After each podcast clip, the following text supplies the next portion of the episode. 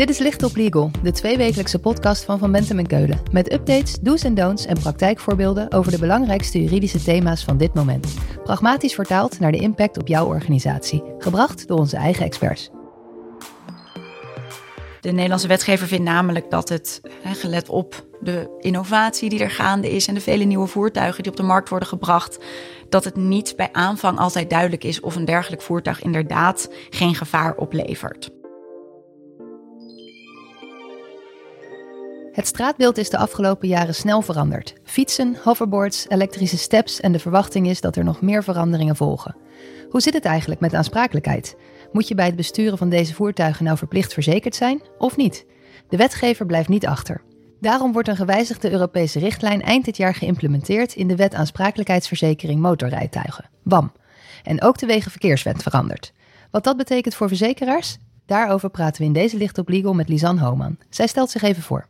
Ik ben Lisanne Homan, ik ben advocaat bij de praktijkgroep aansprakelijkheid en verzekeringsrecht. En Lisanne is daarnaast ook gespecialiseerd in personenschade. Zij kan je dus als geen ander bijpraten over de veranderingen bij verzekeringen over vervoersmiddelen. Lisanne, welkom. Eerst even naar het begin. Hoe zit het met het verzekeren van voertuigen in Nederland? Nou, in het heel kort, zo'n verzekering is verplicht voor alle motorrijtuigen waarmee op de weg wordt gereden. En de reden daarvan is natuurlijk bescherming van andere verkeersdeelnemers. Bij verkeersongevallen kan de schade natuurlijk aanzienlijk zijn. En op deze manier kunnen benadeelden altijd bij een verzekeraar terecht, zodat ze niet met lege handen blijven staan. En als een voertuig onverhoopt toch niet verzekerd blijkt te zijn, eh, dan kunnen ze terecht bij het Waarborgfonds Motorverkeer. En voor voetgangers en fietsers geldt daarnaast nog een apart aansprakelijkheidsregime. Dat heeft te maken met een uh, bijzonder, bijzondere regeling voor de aansprakelijkheid. En dat komt er kort gezegd op neer dat fietsers en voetgangers beschermd zijn. En dat motorrijtuigen bij een ongeval met een fietser of een voetganger uh, in principe voor ten minste 50% aansprakelijk zijn voor de schade. En dat heeft er natuurlijk mee te maken dat ongevallen veroorzaakt door dat soort voertuigen ernstiger zijn dan bijvoorbeeld door fietsers. Dat klopt. De impact van een ongeval met een motorrijtuig, een zwaarder, sneller voertuig, zal over het algemeen meer impact hebben. Precies, dus zo'n verplichte verzekering geldt dus voor een motorrijtuig. Dus het doet er nogal toe of iets een motorrijtuig is. En met die hele elektrorevolutie op straat is dat natuurlijk de vraag. Hoe zit het nu? En wat gaat er veranderen? Nou, op grond van de Nederlandse wet uh, kwalificeert een voertuig heel snel als motorrijtuig. De Nederlandse wet bepaalt namelijk dat een bepaalde uitzondering, zoals treinen en trams, daar gelaten alle rij- of voertuigen die uitsluitend of mede door mechanische kracht worden voortbewogen, eh, kwalificeren als motorrijtuigen. En dat betekent dat dus ook een elektrische fiets, fiets met trapondersteuning, ook kwalificeert als motorrijtuig. Maar er is een uitzondering gemaakt op die verzekeringsplicht voor fietsen met trapondersteuning. En dat betekent dat de fietsen waarbij je dus ook daadwerkelijk zelf moet trappen en die maximaal 25 km per uur gaan, um, niet verzekerd hoeven te zijn. En dat geldt, die uitzondering geldt ook voor bijvoorbeeld stepjes, waarbij je ook zelf moet steppen en die ook maximaal 25 km per uur gaan. Exact. Dat soort voertuigen worden dus gelijk getrokken met een normale fiets. Precies, omdat het risico dat aan deze voertuigen hangt door de wetgever ook als minder wordt gezien dan die zwaardere voertuigen zoals een auto of een vrachtwagen. En dat kader, die definitie, dat gaat dus veranderen door die Europese richtlijn? Ja, het kader gaat veranderen. Uh, dat heeft ermee te maken dat de richtlijn die geïmplementeerd moet worden, uh, de definitie van het begrip voertuig of in het Nederlands motorrijtuig uh, wijzigt. En daardoor vallen bepaalde voertuigen niet meer onder die definitie en geldt daarvoor dus ook geen verzekeringsplicht meer. En dat gaat dan met name om de wat lichtere voertuigen waarbij je ook zelf moet trappen of dus steppen. Op grond van de Europese richtlijn hoeven die niet langer verzekerd te zijn. En de achtergrond daarvan is dat er steeds meer en kleinere voertuigen uh, worden ontwikkeld. En de Europese wetgever zegt daarover dat er eigenlijk onvoldoende bewijs is dat dergelijke voertuigen op dezelfde schaal en met dezelfde ernst verkeersongevallen veroorzaken. Dus voor dat soort voertuigen geldt dat die op grond van de Europese richtlijn niet langer verzekerd hoeven te zijn. Ze kijken dus naar de ernst van het gevaar in het verkeer. En dit is een Europese richtlijn. Daar kan je, als ik het goed heb, van afwijken. Gaan we dit in Nederland één op één doorvoeren of gaan we het net iets anders doen? We gaan het inderdaad net iets anders doen. Nederland kiest ervoor om eh, gebruik te maken van de beleidsruimte die ze hebben. En dat betekent dat Nederland ervoor kiest om de huidige definitie van het begrip motorrijtuig te hanteren. En daarmee dus ook de huidige verzekeringsplicht te behouden. De achtergrond daarvan is, waar we het eerder over hadden, de slachtofferbescherming. De Nederlandse wetgever vindt namelijk dat het, gelet op de innovatie die er gaande is en de vele nieuwe voertuigen die op de markt worden gebracht, dat het niet bij aanvang altijd duidelijk is of een dergelijk voertuig inderdaad geen gevaar oplevert. De definitie verandert in zoverre dus niet. Maar wat wel verandert is dat er een extra artikel wordt toegevoegd waarmee de wet wat flexibeler wordt.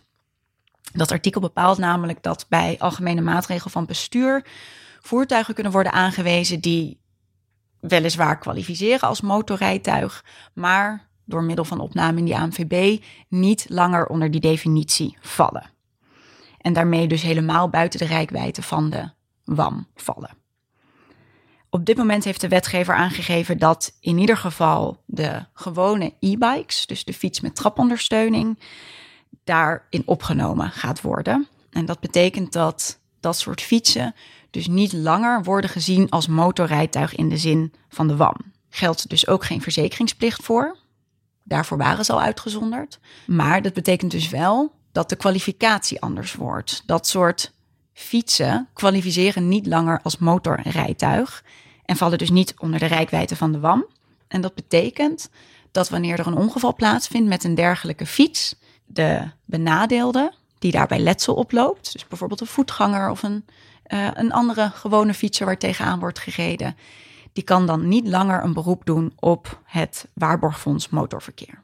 En wat wel interessant is, is dat voor de definitie van fiets met trapondersteuning wordt verwezen naar een andere wet, de Wegenverkeerswet, en de definitie die daarin is opgenomen. En dat zeg je natuurlijk niet voor niets. Wat is die definitie en hoe is dat relevant? Nou, het interessante is dat ook die Wegenverkeerswet gaat veranderen. En die gaat veranderen op een groot aantal vlakken. Maar voor dit thema is van belang dat er een nieuwe definitie opgenomen zal worden voor het begrip fiets. En die omschrijving is eigenlijk heel logisch. Dat is gewoon een fiets zoals wij die kennen. En dat betekent dat het moet gaan om een voertuig met tenminste twee wielen. Dat er sprake moet zijn van mechanische overbrenging van spierkracht. Dus bijvoorbeeld een ketting. En, en dat is het belangrijkste, dat het een zitplaats, een zadel moet hebben. En dat betekent dus dat de elektrische step, waarbij ook gestept moet worden, niet langer kwalificeert als fiets. Want een step heeft geen zadel. En dat betekent dus ook dat onder het huidige voorstel van die ANVB gek genoeg een elektrische fiets met trapondersteuning wel onder de uitzondering valt, maar een elektrische step, waarbij je ook moet steppen, niet. Ja, dat voelt voor mij toch een beetje gek aan. Want de geest van de regelgeving is toch een afweging maken hoe gevaarlijk een voertuig op de weg is. En zo'n step, is het zo strikt? Nee, zo strikt is het niet. En je kan je ook afvragen of de wetgever dit wel bewust zo heeft bedoeld. Um, maar de oplossing is eigenlijk gelegen in uh, de ANVB, waarbij je dus vrij gemakkelijk aanpassingen kan doen door voertuigen uit te sluiten van het begrip motorrijtuig. En daar hangt een flexibel beoordelingskader onder, dat er heel simpel gezegd um, eigenlijk op neerkomt dat uh, voertuigen in eerste instantie toegelaten kunnen worden op de weg. Dat ze vallen onder het begrip motorrijtuig en dat er dus een verplichte verzekering geldt. En dat na verloop van tijd een analyse kan worden gemaakt van de risico's. En dat er dan alsnog voor gekozen kan worden om zo'n voertuig uit te sluiten van het begrip motorrijtuig. En de norm die daarbij gehanteerd gaat worden is eh, eigenlijk een heel algemene norm. Dat is namelijk de norm dat zo'n motorrijtuig nauwelijks gevaar moet opleveren. Um, en met andere woorden, het risico op ernstige ongevallen moet zeer klein zijn. Zo heeft de wetgever toegelicht. En het idee is dat dat uh, in de gaten gehouden zal worden door middel van monitoring. Um, en dan specifiek de schade die aan derden wordt toegebracht. Hoe vaak, hoe ernstig. Het plan is nu dat dat in ieder geval iedere vijf jaar uh, wordt beoordeeld. En dat er dan dus besloten kan worden na vijf jaar um, om een motorrijtuig op die lijst te zetten en daarmee uit te sluiten van het begrip motorrijtuig. Dus de wetgever zegt, als het voertuig nieuw is, dan doen we eerst verplicht een verzekering, totdat we weten hoe gevaarlijk het is. En als blijkt dat het meevalt, hoeft het later misschien niet meer. En als we het nou hebben over die veiligheid, dan hoor ik regelmatig klachten over fatbikes. Hoe zit het daarmee? Ja, de fatbikes, die zorgen inderdaad voor heel veel problemen, veel overlast op straat. Als je kijkt naar ehm, de, de, de, de fatbike als zodanig, dan kwalificeert die in principe als een fiets met trapondersteuning. Dat wil zeggen dat er dus daadwerkelijk sprake moet zijn van eh, trapondersteuning, waarbij je ook zelf moet trappen om vooruit te komen. En dat deze fietsen maximaal 25 km per uur kunnen. Dan val je onder het begrip fiets met trapondersteuning. Uh, en geldt er geen verzekeringsplicht, maar mag je wel gewoon de weg op. Het probleem bij deze fietsen is dat ze heel eenvoudig op te voeren zijn of dat er een gashendeltje op wordt gezet. En dat is natuurlijk waar die problemen en de klachten allemaal vandaan komen. Want je ziet ze uh, in menig grote stad natuurlijk met soms wel 40 km per uur gewoon over het fietspad scheuren. En dat brengt natuurlijk hele grote risico's met zich mee. Want als jij je fatbike hebt opgevoerd en dus harder kan dan 25 km per uur of de trapondersteuning ervan af hebt gehaald, dan kwalificeer je gewoon als motorrijtuig. En dat heeft verschillende gevolgen. Dat betekent enerzijds dat je wel onder de WAM valt en dat je eigenlijk verplicht een WAM-verzekering zou moeten afsluiten. En het heeft als gevolg dat jij bij een ongeval ook wordt gezien als het gevaarlijkere, zwaardere gemotoriseerde voertuig. En dat wanneer jij bijvoorbeeld een voetganger aanrijdt, je in principe voor tenminste 50% aansprakelijk bent. Ik hoor je steeds zeggen in principe. Maar wat betekent dit nou in de praktijk? Hoe gaan verzekeraars om met dit soort opgevoerde voertuigen? Ja, dat is het lastige. Het opvoeren van je voertuig is in principe niet toegestaan. Dus wanneer iemand zelf zijn fatbike opvoert of daar een gashendel op zet, dan mag je daarmee niet langer de weg op. En dat betekent ook dat WAM-verzekeraars deze voertuigen niet zullen verzekeren. Er bestaat een andere verzekering. Dat is de aansprakelijkheidsverzekering voor particulieren. Die zou mogelijk um, bescherming kunnen bieden aan een slachtoffer. Maar die sluiten verkeersongevallen waar, veroorzaakt door motorrijtuigen vaak uit van dekking.